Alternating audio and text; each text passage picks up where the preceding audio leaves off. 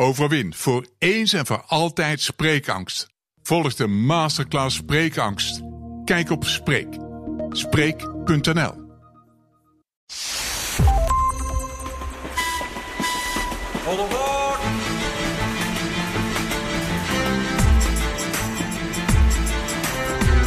Welkom bij de Goede Reis Podcast, de leukste wegwijzer voor onderweg. Deze podcast is een productie van BNN Nieuwsradio en Columbus Travel.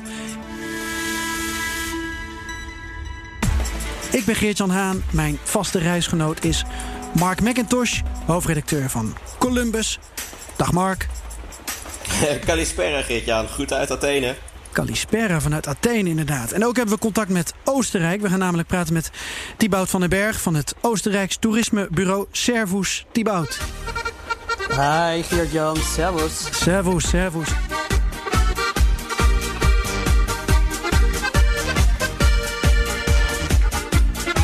En mocht je denken, Oostenrijk, daar kun je momenteel veilig heen, ja of nee? Jawel, want Thibaut, Oostenrijk heeft gewoon uh, kleurcode geel. Niks aan de hand?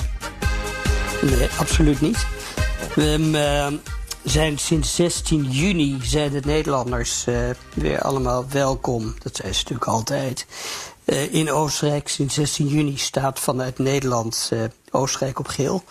En uh, dat hebben we ook wel gemerkt, omdat we echt uh, enorm veel uh, Nederlanders hebben gehad die de afgelopen tijd Oostenrijk in de zomer hebben bezocht. De natuur, de, de, de lekker, lekker relaxte in de bergen, de frisse lucht, ook de plaats, de hoeveelheid ruimte die je hebt en makkelijk te bereiken. Ja. Je moet er niet het vliegtuig in. Meer dan 80% gaat met de auto. Dus ja, eigenlijk een makkelijke een heldere en goede keuze. Ik dat kom zo. Veel mensen ook. Ja, ik kom zo bij je terug om ook te praten over het, het wintersportseizoen, want dat nadert. Eh, en Oostenrijk, ja. eh, dat gezellige, relaxte Alpenland, dat staat centraal in deze aflevering. We gaan het ook hebben over hiken in de herfst, over de culinaire kracht van Oostenrijk. Want Oostenrijk is veel meer dan café met koegen en, uh, en, en Wiener Schnitzel. Um, Zo is dat. Maar we zetten deze drie kwartier ook even koers naar twee andere landen die op geel staan. We gaan even naar het noorden en we gaan even naar het zuiden. En dat brengt mij bij jou, Mark. Want jij zit dus in Griekenland. En dat is dus geel en een beetje oranje. Ja, toch uh, een, een, een, raar plaatje. Want alle eilanden die, uh, die worden afgeraden door het ministerie van Buitenlandse Zaken.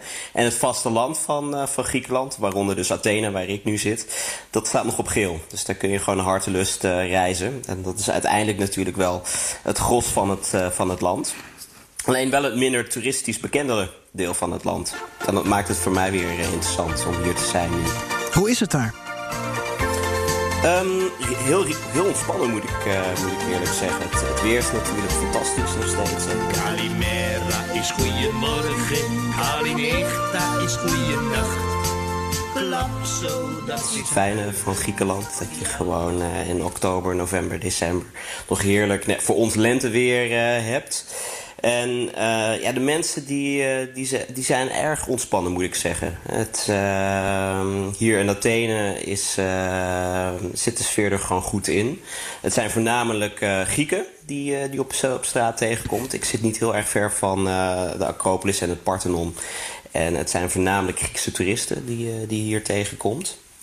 En uh, ze zeggen dat, uh, ja, dat Griekse toeristen ook eigenlijk het land drijvende houden op dit moment. Als het gaat om uh, de toerisme-industrie. En dat gaat natuurlijk op voor een heleboel andere eilanden. En dat is een gedeeld beeld, moet ik ook wel eerlijk zeggen. Want er zijn natuurlijk een aantal eilanden die heel erg populair zijn onder buitenlandse reizigers, zoals Santorini en Mykonos. En die hebben ontzettend te lijden gehad natuurlijk van, uh, van het gebrek aan, uh, aan, aan buitenlandse toeristen. Maar dan zijn er een heleboel andere eilanden, want er zijn letterlijk duizenden eilanden in Griekenland, die um, eigenlijk helemaal um, niet afhankelijk zijn van buitenlandse toeristen, maar van, van binnenlandse reizigers, van de Grieken zelf. En die hebben eigenlijk een hele goede zomer gedraaid. Dus de Grieken uh, hebben ook de staycation ontdekt? Ja, absoluut. Ja. En, uh, en het uh, binnenlandse eiland hoppen. Ja. En dat, dat levert eigenlijk gewoon een, interessant beeld op. Het is, het is niet heel erg zwart-wit. Ehm, en dat vond ik ook wel een openbaring. Want ik dacht van joh, het is een en al leed hier. Hè, om, omdat op meer dan een kwart van het bruto nationaal product van Griekenland afhankelijk is van het, uh, van het toerisme. Maar dat is dus uh, een wat, wat gecomplex, een, ja, een complexer beeld eigenlijk. Ja. Jij bent daar aan het werk als, als digital nomad voor een paar weken. Ja. Trek je er ook nog op uit? Waar ga je dan heen? Uh, ja, toch voornamelijk de stad uh, in. En ik wil nog het binnenland intrekken. Maar het idee was inderdaad van, joh, als we toch op afstand moeten werken, um, waarom dan niet een paar duizend kilometer naar het zuiden, waar het wel lekker weer is? Uh, dat idee had ik al een paar maanden geleden. En ik was hier in december voor het eerst, eerlijk gezegd, van mijn leven, in Athene. En ik dacht van, wat een waanzinnige stad is dit. Ik moet hier gewoon wat langer zitten en ook echt het dagelijks leven uh, um, gaan ervaren. Gewoon even een maandje kijken hoe het hier is om, uh, om boodschappen te doen, om, om mensen te spreken over het dagelijks leven. En dat ben ik dus nu aan het doen. Dat is, dat is waanzinnig. Evaristo is dankjewel. Luister heel goed naar dit liedje en je leert het Grieks heel snel. In Nederland kwam um, deze week het bericht van uh, NBTC. Uh, dan hebben we het even over de toeristische sector. Dat uh, de verwachting van het aantal buitenlandse gasten voor dit jaar gewoon dramatisch moet worden bijgesteld. En niet 21 miljoen buitenlandse toeristen, gasten in ons land in 2020, maar slechts 7 miljoen. Jij geeft aan, de Grieken vangen het deels zelf op, maar als je aangeeft dat, dat een vijfde of een vierde van de economie ja, uh, afhankelijk is van, van, van deze ja, uh, vrije tijdsector, dan kan het niet anders zijn dan dat de klap toch best wel groot is. Ja, absoluut. En uh, nou ja, het is ook weer heel erg um, ja, op bepaalde eilanden en delen natuurlijk van, uh, van Griekenland weer uh, gefocust. Hè? Dus wat ik zei, de grote eilanden als Mykonos, Santorini, Kreta... die heel erg van buitenlandse toeristen afhankelijk zijn...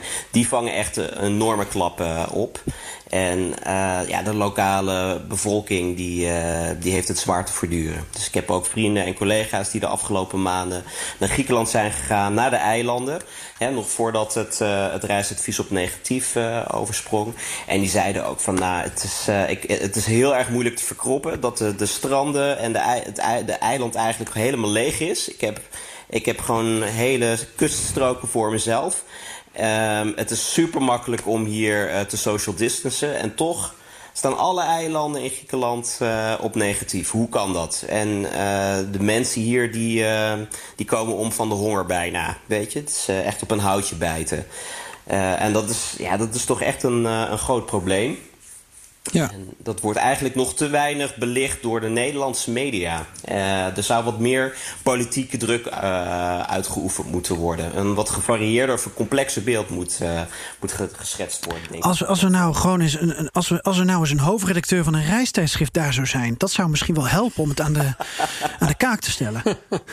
alle kleine beetjes helpen, alle kleine beetjes helpen. Jan, jij ook, hè? Als presentator van BNR Nieuwsradio heb jij natuurlijk ook het een en ander hierover te zeggen. Zeker. Nou, bij deze. Um, dat brengt me toch ook even bij, bij Oostenrijk, uh, Thibaut. Want je gaf aan dat uh, sinds uh, medio juni uh, Oostenrijk in ieder geval voor Nederland weer open is. Uh, dus dat uh, het zomerseizoen, nou, hebben ze toch aardig wat toeristen kunnen ontvangen. Want we moeten niet onderschatten hoe belangrijk de Nederlandse gast is voor de, voor de Oostenrijkse toerismesector.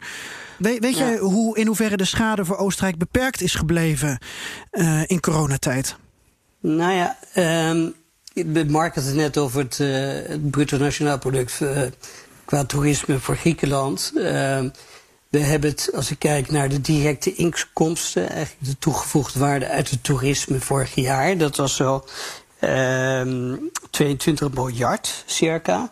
En dat uh, stond gerand voor 5,6 procent van het bruto nationaal product. De, um, daar heb ik dan niet de zakenreizen en dienstreizen bij geteld. Dan kom ik al boven de 29 miljard. En daarbij komen dan nog allemaal aanverwante uh, zaken. Dus dat tikt ook fix aan. Uh, maar om op en wordt dat geld voornamelijk uh, um, verdiend in, in de winter? Of? Nee, nee, het hele jaar door. Het hele jaar door. Het hele jaar door. Ja, het hele jaar door. Maar um, als ik kijk uh, naar afgelopen zomer, en dan kijk ik van mei tot en met augustus. Uh, vanuit alle buitenlandse markten. Want uh, wij zitten bijvoorbeeld als Oostenrijks toeristenbureau. Ik zal straks wat meer over ons bedrijf ook vertellen als je het leuk vindt. Zitten in 21 landen, hebben eigen, eigen kantoren en we bewerken 28 landen. Maar vanuit al de buitenlandse markten eh, hadden we van mei tot augustus een, uh, een min van 43 procent. En in ditzelfde tijdsbestek vanuit Nederland, uh, bij de overnachtingen vanuit Nederland, een min van 34 procent. Maar als ik eh, de winter er nog even bij neem, hè, want we hadden in zoverre geluk tussen aanhalingstekens dat toen half maart de boel dichtging in Oostenrijk, dat zeg maar 95% of nog meer van de winter gelopen was. Uh, er is natuurlijk nog, uh, enorm veel verlies geweest, überhaupt in het hele Alpenraum, hè, zoals we het noemen. We praten natuurlijk ook over miljarden verliezen, maar ja, dat, dat zijn bekende verhalen. Maar als je kijkt puur vanuit de Nederlandse markt, van januari tot uh, augustus, dan uh, is het nog niet eens zo dramatisch. Uh, qua overnachtingen zaten we dan op 21 procent. Dus zeg maar vijfde, een kwart minder. Namelijk de aankomsten was iets hoger, min 28 procent. En we zagen voornamelijk dat, uh, dat de Nederlanders in uh, juli en augustus toch uh, massaal naar, naar Oostenrijk toe zijn gegaan. Ik kreeg onlangs wat cijfers uit, uit Tirol. Hè. Tirol, dat is ontzettend belangrijk. 40% van alle Nederlandse overnachtingen. En dan heb ik het in de zomer over 4 miljoen overnachtingen van Nederlanders. Alleen in de zomer. Um, maar uh, in Tirol in augustus, dus 40% gaat naar Tirol. In Tirol in augustus vanuit Nederland was min 13 bij de overnachtingen. Um, natuurlijk, elke min is heel naar, maar het was te overzien. Het is een beetje het, uh, in het land er één ogen, et cetera. En voor Arrelberg bijvoorbeeld heb ik uh, ook even uitgepikt vanuit Nederland in de maand juli. Voor Arrelberg, dat ligt helemaal in het westen tegen de Zwitserse grens, hadden we bij de aankomst uh, min van 17,3. Maar okay. Mark, je had het net uh, over inderdaad uh, de importantie van de verschillende markten voor het land. Dat is voor ons misschien ook wel leuk. Ehm, als je kijkt naar alle overnachtingen en de aankomsten in Oostenrijk, hè, even, even grosso modo door het hele jaar, dan komt ongeveer 50% van de business komt uit, uit Duitsland. Dat is de eerste buitenlandse markt voor Oostenrijk. Nummer twee wereldwijd komt trouwens de Nederlandse markt. Hadden vorig jaar hadden we een absolute recordjaar met uh, 10 miljoen overnachtingen en 2 miljoen aankomsten vanuit Nederland, zomer en winter bij elkaar. En uh, de Nederland, dus de Duitse de markt is eh, goed voor zeg maar 50% van de business. Wij ongeveer voor 11%. En de binnenlandse markt is um, goed voor circa 30%. Dus ook daar bij Oostenrijk zouden ze het niet alleen bij de binnenlandse markt hebben gered. Maar nee. uh, de binnenlandse markt heeft net zoals als in Nederland, hè, ik zag laatst een statistiek en daar stond uh, ja, de Nederlandse markt op één. Hè. Stay, een soort stay-at-home verhaal. Uh, heel veel mensen zijn natuurlijk in hun land, in de zomer in hun eigen land gebleven. Maar um, qua meest bezochte landen afgelopen zomer zag ik uh, Oostenrijk op uh, plaats 4 ook staan voor het Nederlanders. Nou ja. Dus ja. ja, het is wel een fix min. Maar ehm, ja, het is te overzien in zoverre. De Carinti heeft het relatief goed gedaan met de lekkere meren goed gedaan. Betekent nog steeds een dikke min, uiteraard. Steiermark, eh, Borgenland, eh, Steiermark, dus het groene hart eh, mm -hmm. van Oostenrijk met Graz, eh, misschien bekend, mooie, mooie stad. En het Borgenland, dat is het gebied ten oosten van Wenen. Uh, een beetje tegen Hongarije aan. Die hebben het relatief goed gedaan. Nou ja. uh, overal, niet alleen vanuit de Nederlandse markt. Maar ja, de steden en dan met name Wenen, die, uh, ja, die hadden het echt, echt loei, loei zwaar. Nee, dat snap ik, ja. Congesttoerisme. Ja. Dat, dat, is echt heel naar. Oké. Okay. Um, maar goed, uh, schade beperkt vergeleken met, met andere uh, Europese landen, bij wijze van spreken. Mark, jij hebt op dit moment ook uh, verslaggevers voor eh, Columbus in Italië zitten op reportage. Want ook Italië is geel is gelukkig nog geel, inderdaad. Dus um, nou ja, vanuit Columbus willen wij natuurlijk nog zoveel mogelijk uh, onze verslaggevers de kans geven om, uh, om op reis te gaan voor mooie reportages. Want wat we van onze lezers terugkrijgen is dat ze nog steeds reisinspiratie nodig hebben. Eigenlijk nog, nog veel harder dan, dan ooit tevoren. Dus wij grijpen elke kans aan om, uh, om coronaproof uh, onze verslaggevers op pad te sturen. En daar ben jij natuurlijk ook een van geweest. Hè? Afgelopen week nog ben je in Zweden geweest, in ja. Lapland. Ja. ja, ik ben net terug. Inderdaad. Um, en dat mag ook geen verrassing heten, omdat de vorige podcast uh, ging over. Uh, ja, dat was in feite mijn voorbereiding op deze reis. Uh, Noorderlicht, Here I Come. Het was fantastisch, het noorden van, van Zweden. Uh, we hebben uh, de eer gehad om een beetje het midden van Lapland te verkennen. Dus we zijn met name rond de Poolcirkel gebleven. Dus je kan nog een heel eind verder naar boven. Maar we hebben het najaar bezocht, uh, Lapland in, in herfstglorie. En daar zal ook het verhaal daadwerkelijk over gaan. Dat uh, fotografen Malou en ik samen hebben gemaakt. Dat gaat over kleuren. Dat gaat over licht. Over noordenlicht, maar ook over seizoenslicht. En dat is gewoon fascinerend. Het is een heel mooi en leeg gebied. Het is een heel corona-proof gebied wat dat betreft. Het enige is, je moet erheen vliegen. En dat was voor mij uh, voor het eerst in, uh, in coronatijd. Was ik ook heel uh, benieuwd naar hoe dat zou gaan. Ja, en je, je, je doet je mondkapje op en um, je let een beetje op jezelf. Je let een beetje op elkaar. En verder moet je natuurlijk ook een beetje geloof hebben in de experts als de experts zeggen dat die filters in die vliegtuigen werken en zorgen voor zuivering van lucht. En als die experts zeggen dat uh, als mensen van tevoren alleen zonder klachten naar het vliegveld komen en zonder klachten instappen, als dat goed genoeg is, alles bij elkaar, ja, dan moet je erop vertrouwen. Maar goed, ik zit nu twee dagen na terugkomst en um, in theorie kan ik natuurlijk nog de komende tien dagen, geloof ik, uh, uh, ja, uh, ineens dat zich iets bij mij openbaart. Maar het feit dat ik weer weg mocht. En daarvoor was ik twee weken op vakantie aan de Duitse Noordzeekust. Daar kon ik gewoon met de auto heen natuurlijk. Maar het feit om weer weg te gaan, dat levert een bepaald gelukshormoon bij mij op, volgens mij. prikkels. Mm. Um, we hebben eerder um, het gehad in een podcastaflevering over wegwee. Het tegenovergestelde van heimwee. De drang die je ja. soms hebt om weg te gaan. En ik, ik weet niet, ja. Thibaut, of jij dat herkent. Maar als je een tijdje ja, in Nederland zit. Fernwee. Fernwee, natuurlijk. Ja, het is een, een Duitsstalig woord. Ja. Want hoe zit het met jou, uh, Thibaut? En met, met, met, met jouw hang en drang naar Oostenrijk? Nou, die is heel heftig aanwezig. Enorme fernwee. Uh, ja, ik, uh, ik ben uh, kort geleden, ehm, drie weken geleden, ben ik eh, privé ook even naar Oostenrijk geweest. Een, een, dag of acht, negen. En het was een verademing. het was overigens allemaal heel goed geregeld. Ehm, ik had, wat ik al zei, 16 juni ging Oostenrijk weer op geel vanuit Nederland.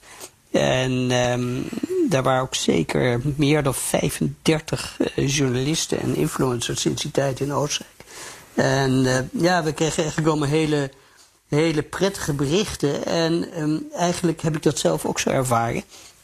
Uh, het, is heel, het is natuurlijk een heel relaxed land. Je komt echt bij de gezelligheid, maar het, het in de natuur, in de bergen, de frisse lucht. Uh, en je, je, je hoeft niet um, constant onder mensen te zijn. En je kan gewoon de bergen ingaan en een dag lang niemand zien. En uh, dat was heerlijk. Ik heb ook nog uh, met, met kinderen en vriendjes hebben in een hut van een nichtje geslapen. Mijn vrouw is Oostenrijkse. En zelf een vuurtje gestookt. En dan s ochtends vroeg in de zomer toch op hoogte. Die kou, die frisse kou. En ja, het is fantastisch. En dan die, die kristalheldere lucht s'nachts met sterren waarvan wij ongeveer een honderdste hebben als we naar boven kijken. Hm. Maar daar zie je de hele melkwegstelsels. Ik heb zelfs op één avond uh, vier satellieten voorbij zien vliegen. Nou, kijk. Ja, het is ja, je precies? Zo helder. En uh, ja, en dan, dan ook dat, dat, dat, ja, het klinkt misschien wat apart, maar uh, ik hou best wel van, van een lekker hapje zo af en toe. En het, het leuke is, uh, je hebt daar hele, hele natuurlijke dingen eigenlijk. De mensen maken zelf hun kaas, zelf boter. Natuurlijk niet Ja. overal. Maar Want waar zat je. Thibaut? Welk Ze gebied? zijn trots op. Ik zat eh, in het gebied waar mijn eh, vrouw vandaan komt. Eh, dat is niet, niet super toeristisch, maar wel heel mooi. Dat is eh, in de buurt van eh, wel een bekende plaats Steyr, S-T-E-Y-R. En ik zat in het plaatsje Lozenstein in de Oké. Ober-Oostenrijk. Oké. Geheimpje is dit, hè? Dit mogen we niet doorvertellen. Ja, absoluut. absoluut. Ja, ja, ja, hey, laten ja, we het gaan hebben over de, ehm, de winter. Want eh, Ja. nou, mijn verhaal eh, vanuit Zweden, dat komt in een volgende podcast terug. Ik heb heel veel mensen gesproken, heel veel ondernemers die eh, een interessante kijk hebben over hoe het toerisme zich nu verder gaat ontwikkelen. Maar als we het winterseizoen tegemoet gaan, eh, dan is Oostenrijk vanuit Nederland gezien natuurlijk ehm, heel interessant, heel belangrijk. Veel Nederlandse skiers en snowboarders gaan eh, naar, eh, naar Frankrijk of Oostenrijk. En we lezen dat driekwart van de mensen die regelmatig op wintersport gaat, ehm, dat die aangeeft, ook in 2021, de komende winter in ieder geval, dat ze toch gewoon weer naar de sneeuw gaan.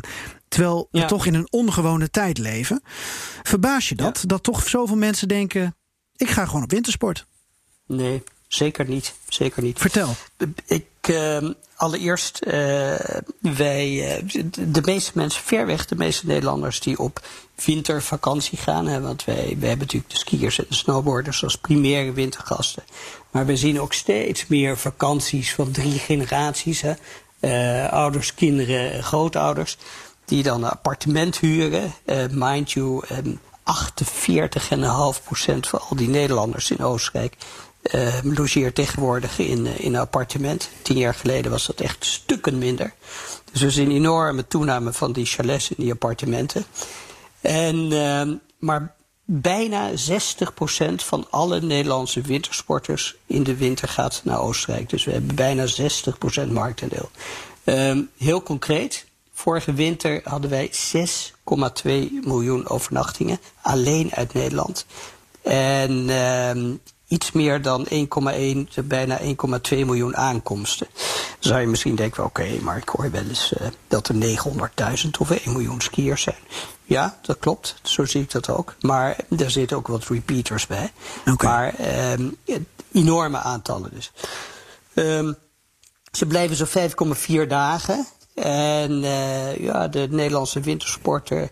Nou, doe ze, doe ze gok, eh, Geert-Jan, Mark. Hoe oud zou die Nederlandse wintersport, eh, wintersporter naar Oostenrijk zijn in de winter? Qua leeftijd. 35? Ja, ik ga ietsje hoger zitten. Ik denk eh 40, 45. Ja, jij zit beter. Eh, 48. 48. Oh, dat is, eh, In de zomer is hij oké. 52. Oh. De- We zien dat ze ook veel uit, ja, uit heel Nederland, maar ook veel uit Brabant en eh, Zuid-Holland komen. In de, in de winter ook nog wat meer uit Noord-Holland. Ehm, maar eh, de Nederlander, eh, zoals je zelf al aangaf, ze, ze, men zegt van ik wil toch gaan. Het belangrijke op dit moment voor de aanstaande winter is eh, voor heel veel mensen een groot, grote zweem van vraagtekens weg te nemen. Van, Nou. Is het oké? Kan Ja. het? Geef eens En een voorzetje. Wat hebben- is er allemaal goed geregeld?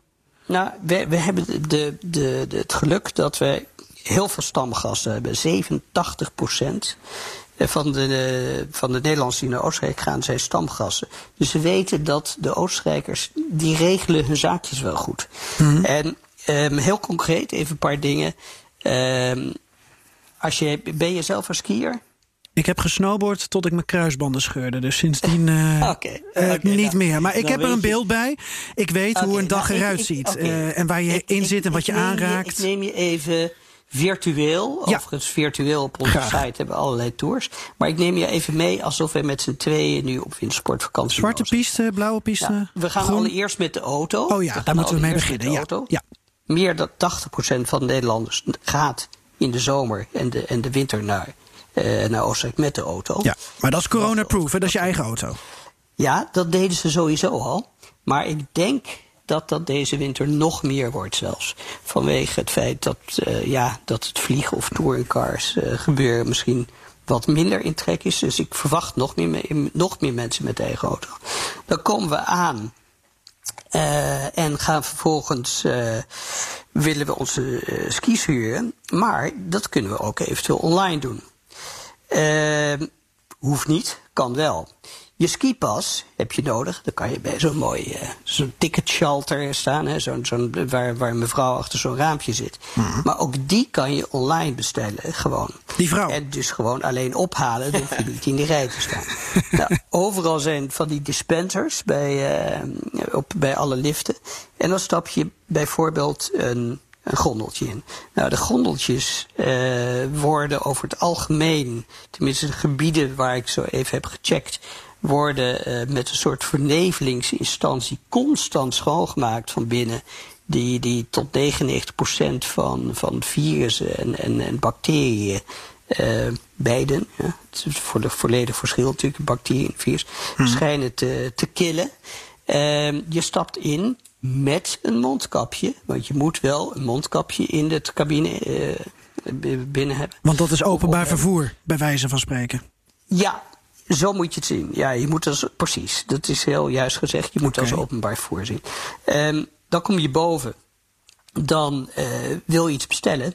Uh, dan kan je je, je menukaart in de, in de hut. Je loopt, je komt de skihut binnen. Uh, met een mondkapje op. Je gaat zitten. Doet je mondkapje natuurlijk af.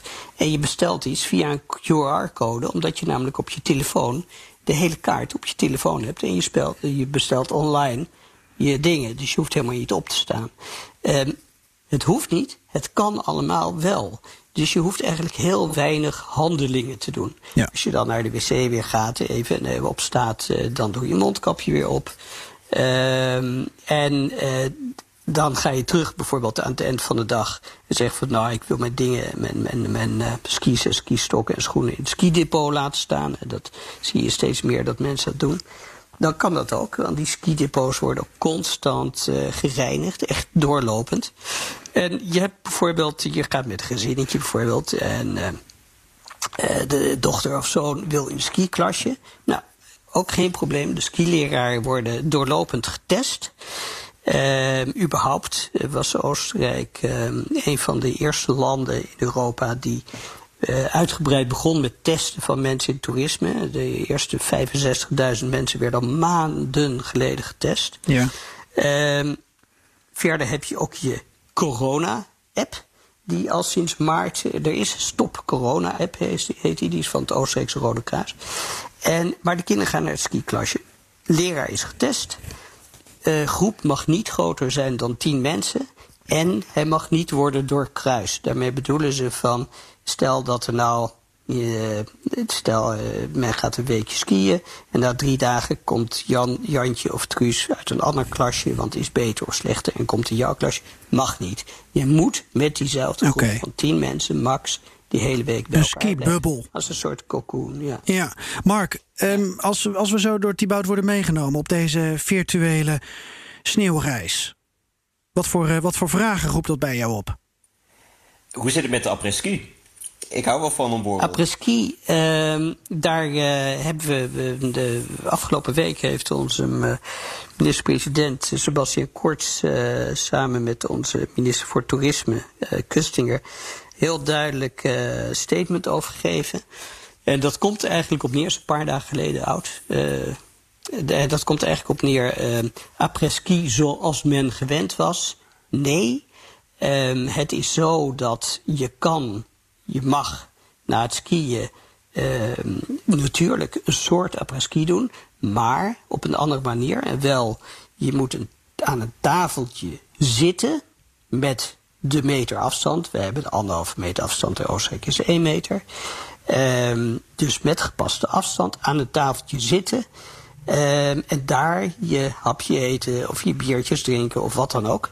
Uh, het is niet de bedoeling dat, er, dat, er, um, dat mensen dat staan doen of dat. Uh, dus, er zal wel wat muziek zijn, maar ook heel relaxed. Er is geen opzwepende muziek waardoor nee, mensen denken. Als de oh, muziek hard staat, kun je elkaar ook niet verstaan. Dan ga je schreeuwen. Ja.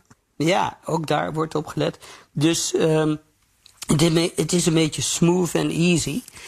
En uh, ja, ik verwacht dat, dat, dat toch ook best veel Nederlanders denken van. Nou, weet je, ehm, misschien dat het niet super, super druk wordt. Ik ga gewoon dus misschien een paar dagen skiën. Maar ik wil ook wel eens eh, gewoon lekker een paar dagen op eh, sneeuwschoenen de, de natuur in. Gewoon lekker eh, de vrijheid in. En dan kom ik bij een leuk hutje en eet daar iets lekkers. Ik heb het idee dat Mark jou toch nog wat meer over die, die, die après-ski 2.0 wil vragen. ja, graag. nou nee, dat niet zozeer, maar wel over de bezoekersaantallen. Hebben jullie al eigenlijk zicht op, op bezoekersaantallen? Ik kan me voorstellen dat, net zoals in Nederland, dat, dat Oostenrijkers ook in de winter meer hun eigen land gaan uh, ontdekken. Um, zijn daar al cijfers van bekend? Zijn er al veel boekingen? Uh, nou, je, je, moet het zo. Ik weet niet hoeveel Oostenrijkers van plan zijn eigen land op de wintervakantie te gaan. Uh, je moet het zo zien. De, de belangrijkste markt, uh, zowel zomer-winter, voor Oostenrijk is de Duitse markt. Dan komt de binnenlandse markt altijd al. En dan komen wij als Nederland. Dus vandaar dat ik ook zei, wij zijn de tweede buitenlandse markt. Um, ongetwijfeld uh, zullen meer Oostenrijkers, maar Oostenrijkers die, die gaan sowieso vaak in hun eigen land uh, op vakantie. Omdat het gewoon goed is geregeld. Uh, maar uh, ongetwijfeld zullen, zullen heel veel Oostenrijkers in eigen land op vakantie gaan. Deze winter, ja, ben ik van overtuigd. Ja. ja.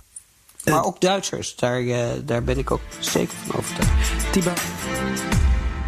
Ik, ik wil toch even uh, nog terugkomen op wat er afgelopen uh, winter, voorjaar is gebeurd. In Tirol, in, in Ischol bijvoorbeeld. Daar is het natuurlijk wel gruwelijk misgegaan. Heb je het idee uh, met de, de mededeling van, van Sebastian Koers... door te zeggen van après-skiën, ja, dat kunnen we gewoon niet maken... is dat ook omdat ze ervan geleerd hebben, omdat ze gereflecteerd hebben en weten... als het nu weer misgaat, als er coronabesmettingen zijn... dan levert dat ook een soort van reputatieschade op. Want er is natuurlijk afgelopen maart al een soort gele kaart getrokken... voor hoe het in Oostenrijk is gegaan. Ja, ja, ik begreep wat je bedoelt. Nou, het, het is zo dat uh, bij ons uh, zijn de, hier in Nederland zijn de de aantallen natuurlijk ook gigantisch opgelopen. En waar zitten we op 1,38 of zo als reproductiefactor. In Oostenrijk is dat natuurlijk ook opgelopen de laatste tijd. En um, daarom hebben een paar dagen geleden uh, de Bundesländer uh, Tirol voor Arlberg en het Salzburgerland besloten om de horeca om tien uur s'avonds dicht te doen. In ieder geval de komende drie weken. En wat daarna is, weet ik niet. Dat is net als Volgens Nederland. was dat ook overigens beslissing zoals in Nederland. Ja. Dat is al een paar dagen geleden in Oostenrijk uh, beslist. Uh, maar op je vraag terug te komen. Uh, toerisme is heel erg belangrijk, zoals, je, zoals ik je net zei. Uh, dat gaat echt om, om enorme aantallen. Uh, vorige winter was, was er ook al 15 miljard uh, omzet. alleen in de winter. En ehm, men is er zich van bewust dat de winter gewoon een, een, een, gegeven is waar alles goed moet worden geregeld. En deze, uh, wat ik je net zei van dat après-ski, er zijn natuurlijk nog heel veel andere dingen. Daar is al maandenlang achter de schermen gewerkt door een, een, een, een groep. Puur om alleen maar te kijken hoe kunnen we onze gasten zo goed mogelijk beschermen. En een vertrouwd gevoel geven dat ze echt denken van... Uh, ja, het is goed geregeld, ik, uh, ik ga dat doen. En een van die, van die maatregelen, en ik vind dat persoonlijk ook heel goed, is deze manier waarop ze met, uh, ja, met het uh, après-ski gebeuren eigenlijk omgaan. Ja. Mensen gaan naar Oostenrijk, gaan lekker wintersporten. Ik wil alleen een goed beeld hebben van hoe het eruit gaat zien. Want um, ik ken een groep mensen die al geboekt heeft. Want die gaan elk jaar naar Oostenrijk. met heel veel plezier. Um, die hebben vorig jaar wel vrij massaal corona opgelopen in, in Ischol. Goed, laten we hopen dat dat dit jaar niet gebeurt. Maar die geven zelf aan van ja, uh, jammer dat er geen après-ski is. Dan gaan we zelf wel in onze villa of in een appartement een eigen huisfeestje bouwen. Weet je hoe ze daar uh, in Oostenrijk tegenaan kijken? En dat vraag ik wederom met de opmerking erbij dat, dat Tirol en Ischol helemaal geen zin hebben in besmettingen, omdat dat uh, imagoschade oplevert. Ja, ja. ja, allereerst is misschien wel grappig te weten. Uh, de, de het, hoofd eigenlijk van, van Tirol, die heeft onlangs verklaard nou ja, dat, dat sowieso ongeveer een derde van de, de landershoudman van Tirol, Platter, heeft verklaard dat ongeveer een derde van alle mensen in Tirol wel, wel direct of indirect van toerisme afhankelijk is. Mhm. En dat het après-ski gebeuren, mind you, maar 3% uitmaakt. En wij weten zelf als, uh, als Oostenrijks toeristenbureau, als, als Oostenrijk Werbung, zoals we wereldwijd heten, mhm. weten wij ook dat um, après-ski um, helemaal niet zo'n belangrijke factor voor heel veel mensen is. Het is voornamelijk de, de, de, de hoofdfactor is het zijn in de, in de natuur, het beleven van de natuur, met elkaar de gezelligheid. En de gezelligheid betekent niet per definitie de. Nee, dat, dat snap ik wel, uh, Thibaut. Maar je weet ook dat er vorig jaar natuurlijk, of vorig jaar, het klinkt als vorig jaar. We, leven in een gekke tijd, waardoor ik alweer vergeten ben dat het gewoon dit jaar was. Uh, Er is natuurlijk wel iets ontstaan. Uh, waar gelukkig lang niet iedereen last van had, inderdaad. maar waardoor mensen wel denken en nadenken over: hé, hey, ik wil op wintersport naar Oostenrijk. veel mensen gaan dat dus ook doen. Maar die willen dat natuurlijk zo veilig mogelijk. En hebben helemaal geen zin in dat er weer zo'n brandhaard ontstaat en ook niet ja. dat, dat het ontstaat omdat er zo nodig mensen in een villa hun eigen feestjes willen gaan bouwen. Die zich daarna wel weer um, ja, tussen de andere mensen gaan begeven. Dus ik, ik, ik, probeer eigenlijk te ontdekken. Weet je iets over um, hoe streng ze in, in Ischol of Tirol in het algemeen zullen zijn? Um, of ze ook gaan handhaven, alle appartementen af zullen gaan. Ik wil gewoon weten of het een soort van ja, tijdelijke politiestaat wordt deze winter. Omdat die, wat jij terecht aangeeft, die families daar, die ondernemen, die zijn voor miljarden euro's afhankelijk van hun gasten. En dan kan je dit natuurlijk je niet veroorloven. Ja, ja. Nou, het, een soort politiestaat in de winter zal het zeer zeker niet worden. Um, ik moet je heel, heel open en eerlijk zeggen, ik weet niet in hoeverre daar um, achter de keukendeur, lees achter de voordeur van de appartementen, de chalet, kan ja. en mag worden gekeken, qua privacy natuurlijk ook. Um, dat is natuurlijk een verhaal apart. Uh, als iemand op de deur klopt en zegt: Hallo, ik uh, ben van een van de controleerde instantie. Ik wil nu kijken hier en daar. Ja. Uh, Vaak hoor je de muziek wel, hè? ja, ja ik, ik, um, ik durf je daar niet een, een, een, een, een heel helder antwoord op te geven. Want dat weet ik niet in hoeverre dat nee. kan worden gecheckt. Maar eh, kijk, als ik denk aan, aan, aan Rutte, die natuurlijk ook elke keer appelleert aan uh, de eigen verantwoording en zo. Ja, weet je, uh, Geert-Jan, um, het zou een beetje, een beetje van de zotte zijn natuurlijk. Als mensen zeggen van ik ga lekker op vakantie, maar ik, ik hou me gewoon helemaal nergens aan en het, het kan me helemaal niks schelen dat, dat lijkt me toch wel heel sterk als mensen met die intentie er naartoe gaan. Ik denk dat heel veel mensen nu toch wel ongelooflijk zijn gewaarschuwd. En dat het merendeel, wat ik al zei, echt verreweg het merendeel, want het gaat dus maar een heel klein stukje, zegt van jongens, wij gaan gewoon lekker skiën. We, we, we, nemen lekker een drankje ergens in een hut en een hapje in een hut tussendoor. En we gaan voor het sporten en daarna nemen we uh, lekker een, een, een, een kop met, met, met, weet het, met warme chocolademelk, misschien met een beetje strorum en, en wat slagroom, lekker thuis. We zijn lekker rozig, zitten in het appartement, eten samen met elkaar en vallen als een blok in slaap.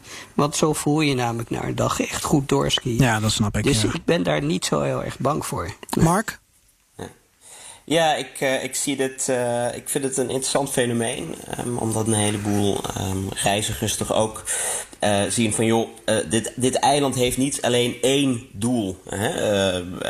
hier in Griekenland bijvoorbeeld, een eiland, Icaria heet het, dat heel erg bekend staat om zijn festivals. onder de Grieken. Nou, het is mm -hmm. natuurlijk allemaal in het water gevallen vanwege corona.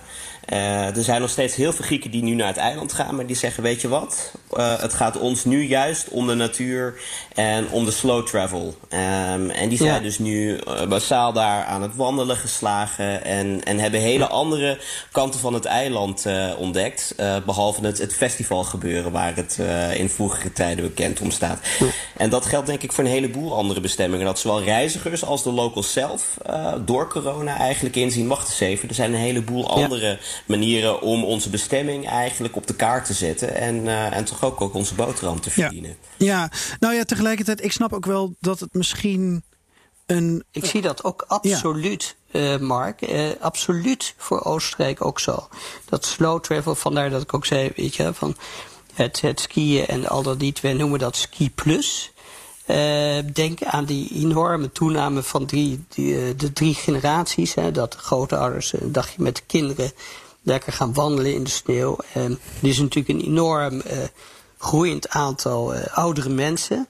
Uh, ik noemde je net inderdaad hè, van, van in de winter 48 jaar. Ehm, waarbij trouwens onze primair doelgroep, de prachtig woord, de individual cosmopolitans, tussen 30 en 55 jaar overigens. Gemiddeld zo'n 42 jaar. Dus daar ligt het, het gemiddelde wintergast iets boven. Maar um, ik ben ervan overtuigd inderdaad dat men een beetje ja, ik zou bijna zeggen een soort back to basic in de winter. Het genieten. Mis, misschien hebben jullie, hebben jullie onze zomerspots gezien op de tv. Ja. Um, mag ik even het, even het, het uh, ommetje naar de zomer maken, Geert-Jan? Nou, ik dacht, uh, laten we het inderdaad hebben over, uh, over spreiding. Over ja. hoe, hoe belangrijk het winterseizoen is voor Oostenrijk, maar hoe belangrijk andere seizoenen ook zijn voor Oostenrijk. En ja, dan, dan kom je bij het, het prachtige Alpenspotje uit. Oké, okay. dan maak ik hem bij deze, Doe inderdaad. Het Doe Alpenspotje. Um, weet je, we, we, de boel sloot zo half maart, hè. En toen was het echt zo van, goh, wat, wat ga je dan uh, doen als, als verkeersbureau? Nou, natuurlijk, uh, allereerst kijken we alle campagnes die lopen, stilzetten, verschuiven, et cetera. Met de partners in Oostenrijk praten. En communiceren, veel communiceren met de reisbranche, met, met, met contractors, product managers en natuurlijk ook met, met de pers. En um, toen op een gegeven moment, toen, ja, toen, toen zagen we het langzaam, zagen we het licht aan de horizon, zo te zeggen, dat het weer geel begon te worden. Uh, Oostenrijk heeft daar heel op, goed op uh, geanticipeerd. Want we hebben uh, als onderneming, als Oostenrijk Werbung, waarvan wij dan de Nederlandse naam Oostenrijks Toeristenbureau hebben, hebben wij 40 miljoen extra budget gekregen. Ehm, van, vanuit Oostenrijk, vanuit de staat. wat we wereldwijd kunnen inzetten. En een van die, uh, dus niet alleen voor Nederland, hè, dat zou wel mooi zijn. uh, maar een van de dingen die wij hebben gedaan was uh, inderdaad die 1350 tv-spotjes, puur awareness. En puur eigenlijk dat back to basics, daar zie je een gezinnetje, ik weet niet of je ze hebt gezien met het uh, thema natuur, eentje met bergen en eentje met, met, met cultuur. En dan zie je een gezinnetje aan tafel, uh, lekker wat, wat kludden, wat eten, in, uh, in het water aan het spelen. Hele simpele dingen, maar wel eigenlijk de meest elementaire dingen die je met je, ja, met je naasten, met je, met, je, met je maatjes of je beste vrienden of met je gezin wil beleven in de natuur. En uh, dat, dat is heel erg goed uh, is dat aangeslagen. Dat heet uh, de, de, campagne Wacht een mooie zomer op je in Oostenrijk. Mm -hmm. En um, ja, de tour-operators, als we even bij de reisbranche blijven, want die natuurlijk heel erg zwaar hebben. Wat echt heel triest is, want we hebben echt, daar moet ik echt een hart onder de riem steken. We hebben fantastische Nederlandse tour-operators. En uh, ja, ik roep ook mensen op om, om, om echt deze tour operators met een aanbod uh, te ondersteunen, want ze doen echt fantastisch werk. Uh, maar de tour operators die hebben de mogelijkheid gegeven op onze website hun aanbod op de zomer te zetten met twee zinnetjes en dan het link naar het boekbaar aanbod, zodat je point of sale had.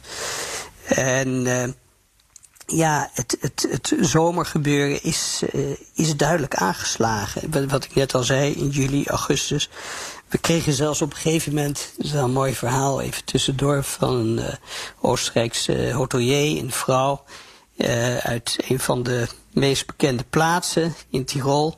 Die had een berichtje geschreven van ja, ik ben zo verbaasd. Ik had opeens tafels vol met, met allemaal Nederlandse gezinnen, met drie blonde kindjes. En die namen allemaal heerlijke dingen. En en ik had nog nooit zoveel Nederlanders gezien. Dat is echt geen grap.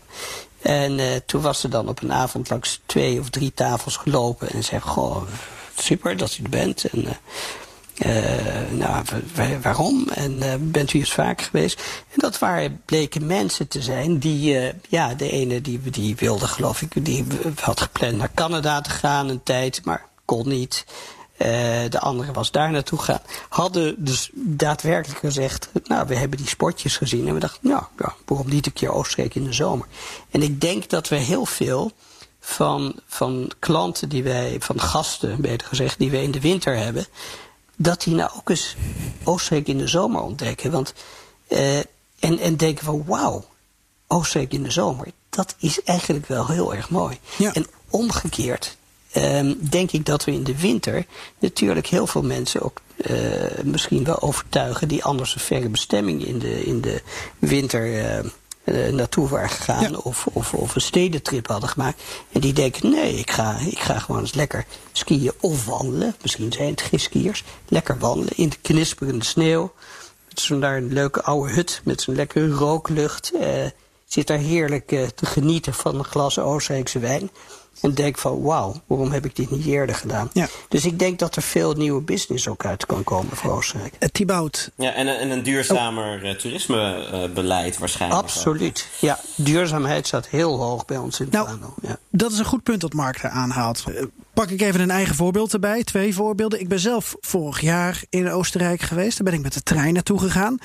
Want uh, Salzburg is onwijs makkelijk vanuit Nederland te bereiken. Kan je gewoon overdag naartoe uh, reizen met de trein. Ja. Je stapt eind van de ochtend in, begin van de avond stap je uit. Ik heb daar een heerlijke tijd gehad in Salzburg en aan de Fuchselzee en de Mondzee en de Wolfgangzee. Ja, ja. Prachtig gebied om te wandelen, te fietsen, uh, andere leuke dingen te doen. En toen met de trein ben ik weer doorgegaan richting uh, Zagreb. Dus uh, dwars door de prachtige bergen van Oostenrijk, door Slovenië en uitkomend in, in Kroatië. Dat is één punt. Dan heb ik het al over de trein. En uh, eind vorig jaar, voordat het hele corona gebeuren losbarstte. Toen hebben we een podcast ook gemaakt over de wintersport, de groene wintersport. En dat leek eigenlijk um, een doel te worden voor een land als Oostenrijk om uh, te verduurzamen, ook op wintersportgebied. Dus uh, dat uh, de manier van energie voorzien, dat, dat de energievoorziening um, duurzamer zou worden. Dat er meer gestimuleerd zou worden om met de trein naar Oostenrijk te reizen. En dan ben ik benieuwd, Thibaut. door corona is alles natuurlijk een beetje anders geworden. Alles is een beetje ondergesneeuwd. Pan intended. Wat, wat is er nog over van die duurzaamheidsambities dan van Oostenrijk, terwijl het financieel ook een moeilijke tijd is natuurlijk om te investeren? Ja, financieel is het natuurlijk een, een dramatische tijd. Uh, het is meer een soort uh, survival tijd natuurlijk ook. Uh, maar voor wie niet hè, in, in het toerisme. Dat de tak is die natuurlijk het meest geraakt is, waar dan ook. Maar...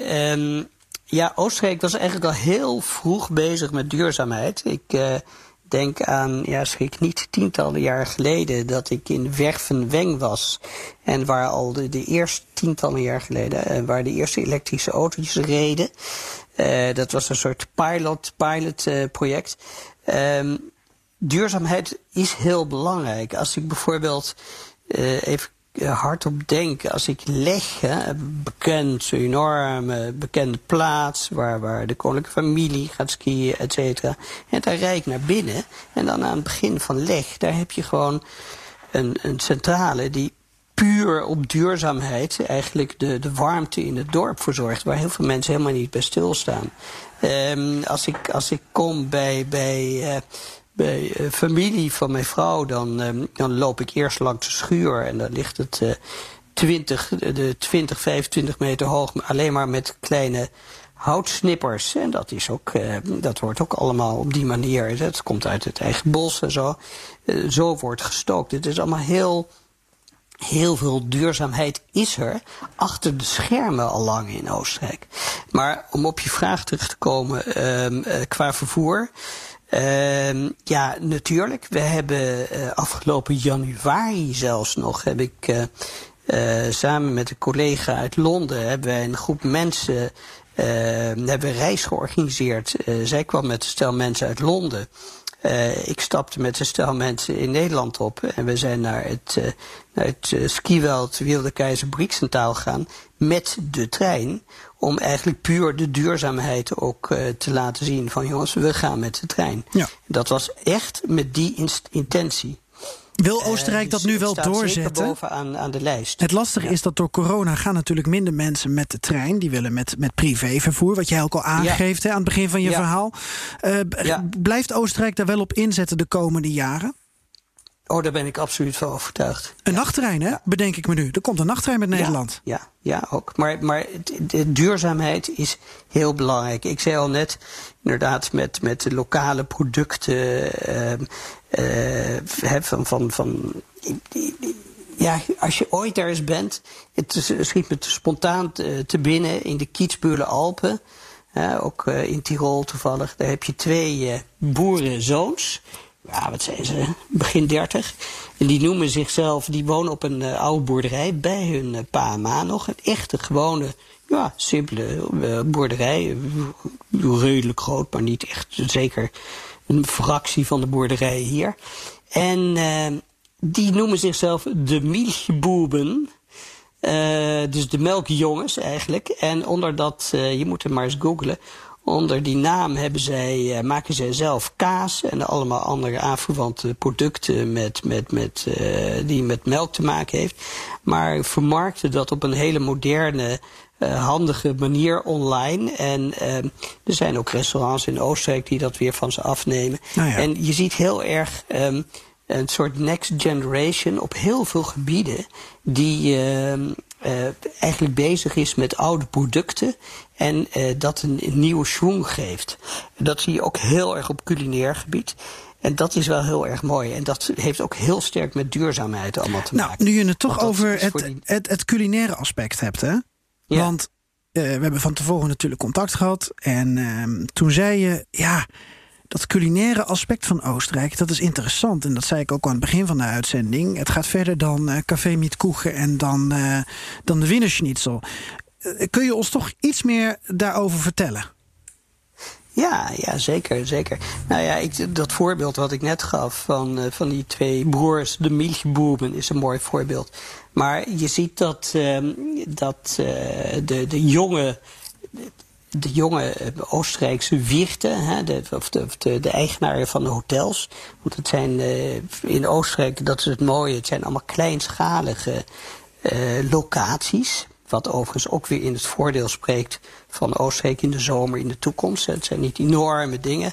Uh, mensen zullen zeker gerichter speciale locaties gaan uitzoeken. Daar ben ik absoluut van van uh, overtuigd.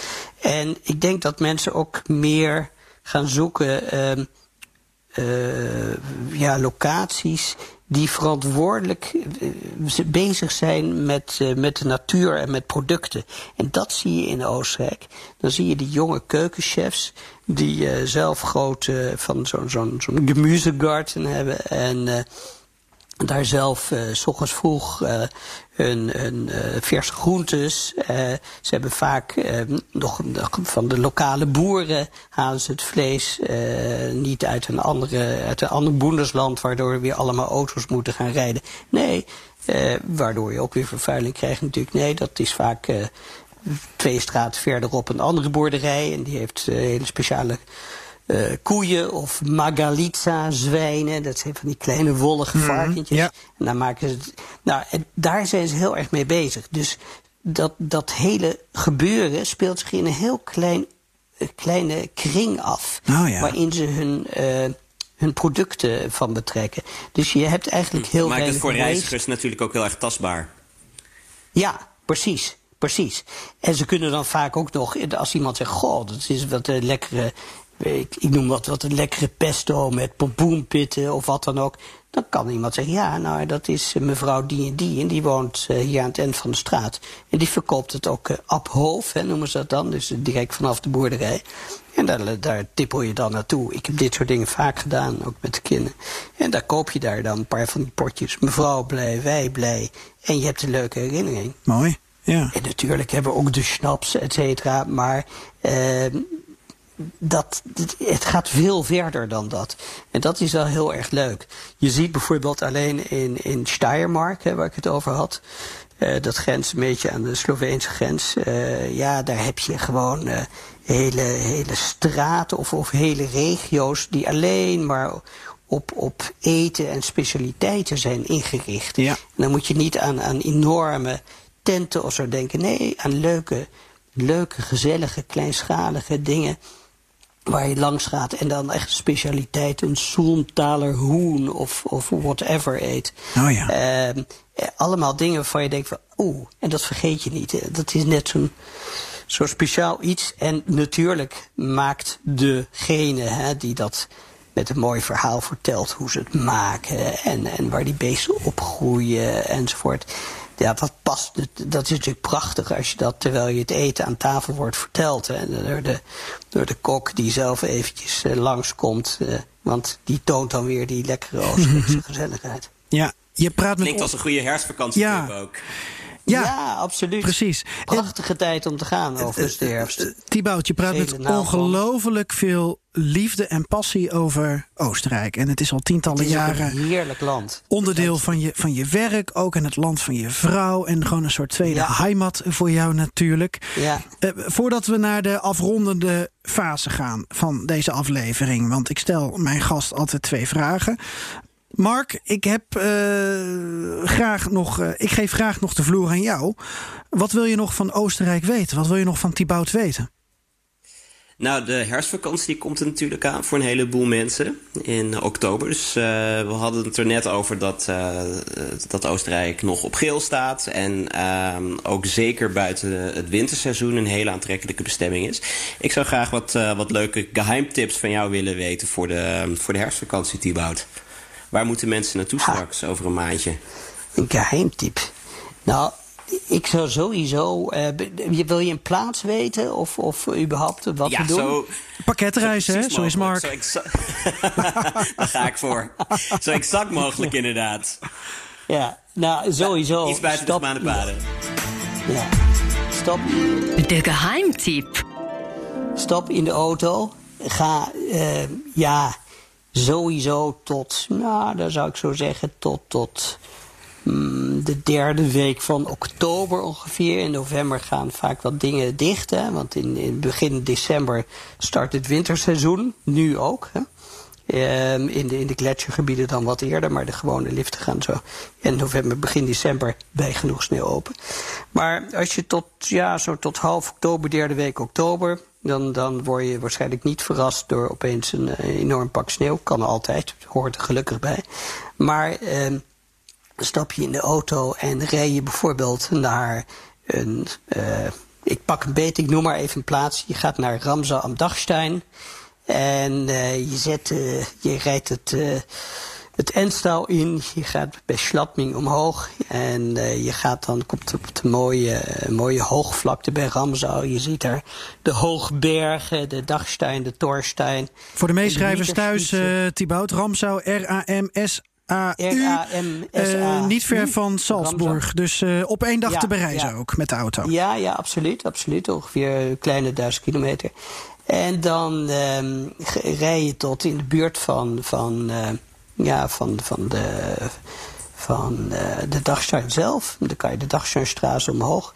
En dan loop je op een mooie oktoberdag... waarin je gewoon de hitte van de, van de, van de rotsen ook voelt. Hè, van, de, van de witte rotsen. Eh, eh, je voelt de hitte... Maar het is toch een beetje zo'n lekker koudje in de middag van, van, van de herfstvakantie. En je ziet om je heen alleen maar knalgele naaldbomen. Doordat die allemaal zijn verkleurd door de herfst. Ja, dat is zo mooi. En je neemt natuurlijk lekker een rugzakje mee met een eh, goed stuk lokaal spek of, of iets anders. Of iets van zo'n speciale keukenprins die er is. En eh, je gaat er gewoon lekker eh, zelf ergens bij een beekje zitten. Je geniet van de rust, je geniet van je gezelschap. En eh, je drinkt er lekker wat, je eet er wat, je kluddert er wat, je loopt weer door. En aan het eind van de dag kom je terug en dan denk je... wauw, dat was weer een topdag van mijn leven. Dus in de buurt van, van Dachstein, wat mensen ook wel kunnen kennen... als toch wel de, de, de, de indrukwekkendste berg van, uh, van Steiermark. Hè, als ik het zo mag omschrijven. Nou ja, dat is sowieso de, de hoogste berg van Steiermark. Ja, ik vind het ook wel indrukwekkend als ik het zo zie. Ja, ja, ja, ik zit ooit nog beklommen door een vrouw die als man was verkleed. Omdat ze als eerste vrouw eigenlijk uh, moeilijk daar... Uh, uh, als vrouw mocht klimmen. Ja, daar praat ik over misschien wel honderd jaar geleden. maar uh, dat is zomaar een voorbeeld. Maar ik denk ook aan bijvoorbeeld een uh, Oost-Tirol... waar de Grossglockner, onze hoogste berg, net 4000 helaas... is prachtig, heel wild gebied met pieken... En dat je daar gaat lopen en dat je daar misschien wel ergens een, een gem ziet. Of een steenbok. Dat oh, ja. zou heel goed kunnen. Ik heb uh, vorig jaar nog verschillende steenbokken gezien, ook in uh, Vorarlberg, in Montafon. Uh, ja, dat zijn indrukken die vergeet je nooit. Als je zo'n majestueuze steenbok op hm. zeg maar 40 meter afstand op een kam ziet. En je bent s ochtends vroeg uh, om uur vijf vertrokken en je ziet de zon opkomen en je ziet tegen die heldere lucht enorme horens. Ja, dat is. Uh, ik, ik hoor gewoon. Leven. Ik en hoor hier. Leven in Oostenrijk. Ja, ik hoor hier gewoon de hersenen van Mark kraken vanuit Athene. zo van. Uh, ga ik Geert-Jan op reportage sturen? nou, wat zullen we doen, uh, Thibaut? ja, geef me morgen maar een belletje. Oké, okay, nou ne neem ik wel een fotograaf mee, hè, want dat moeten we vastleggen. Dat ook gebeuren. Absoluut. Ongelooflijk. Ja, ik, uh, het lijkt me fantastisch. Maar het lijkt Mark ook fantastisch volgens mij. Mark zou er spontaan vanuit Griekenland voor terugkomen. Ik, ik ja, denk bijna. over het, de, iets, iets anders dan me te binnen valt.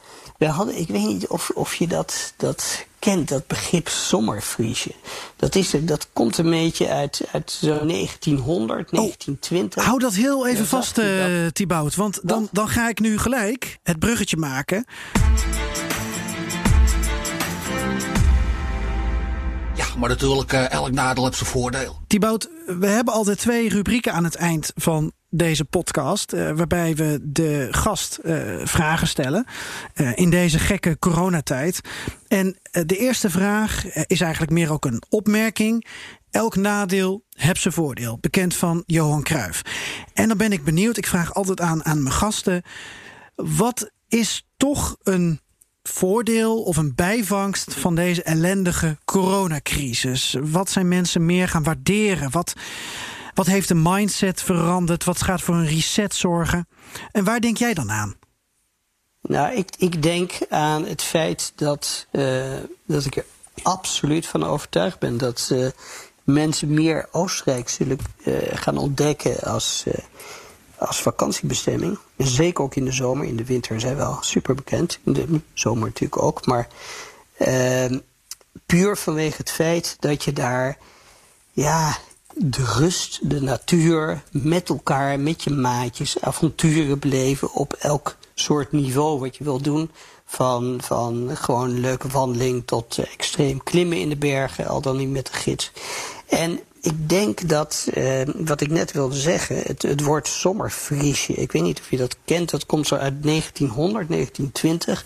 Dat speelde toen in de Alpenlanden, en vooral ook in Oostenrijk, uh, dat de mensen.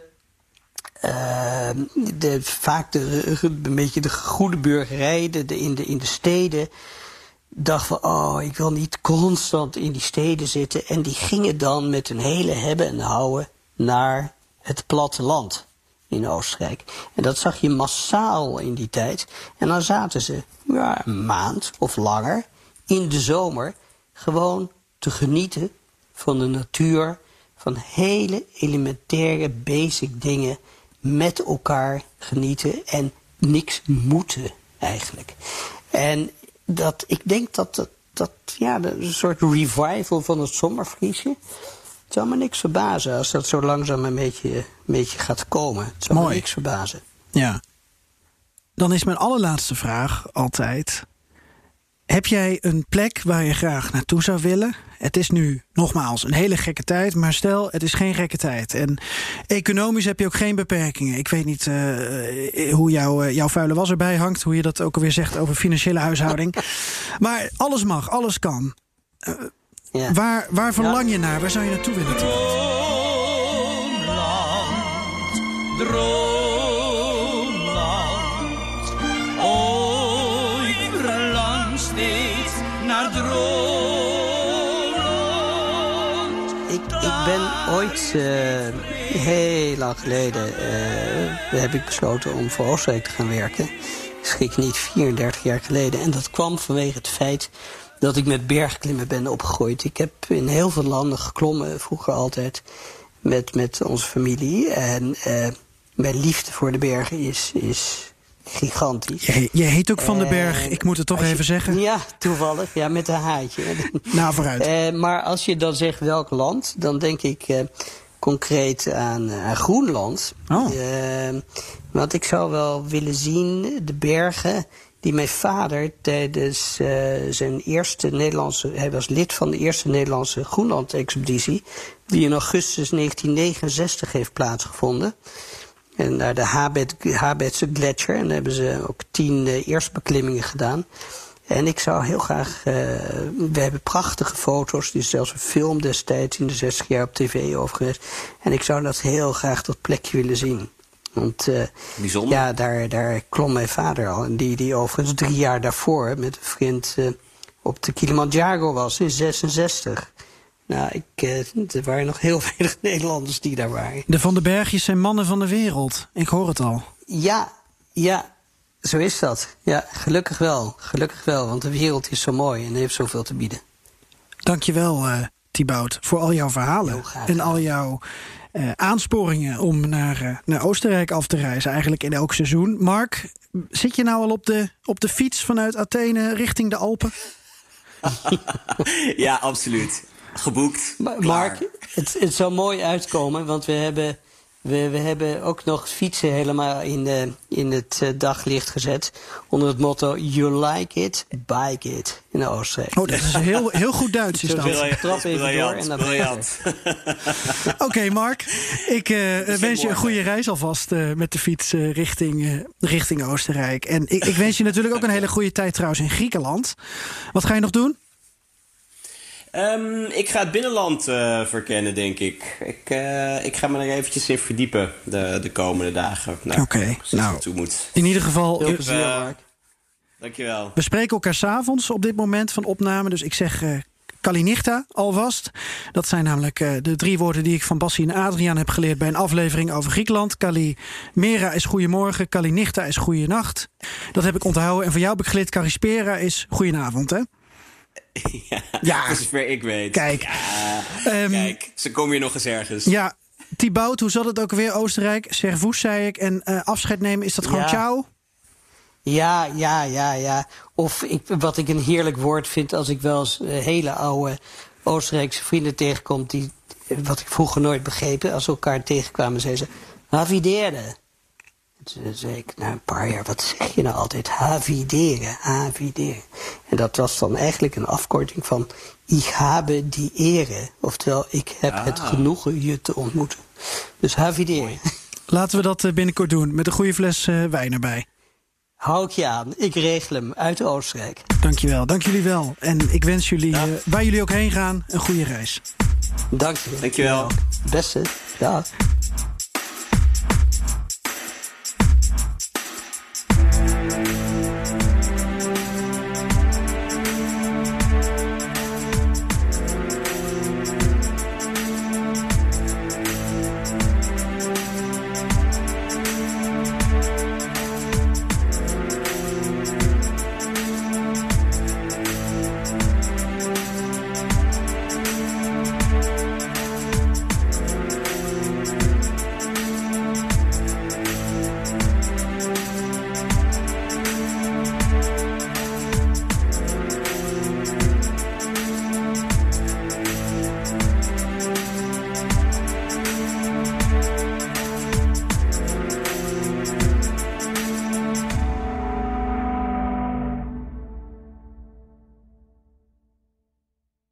Vergroot je overtuigingskracht en ontwikkel de magie van verbinding. Leer presenteren als een leider. Kijk op Spreek.nl.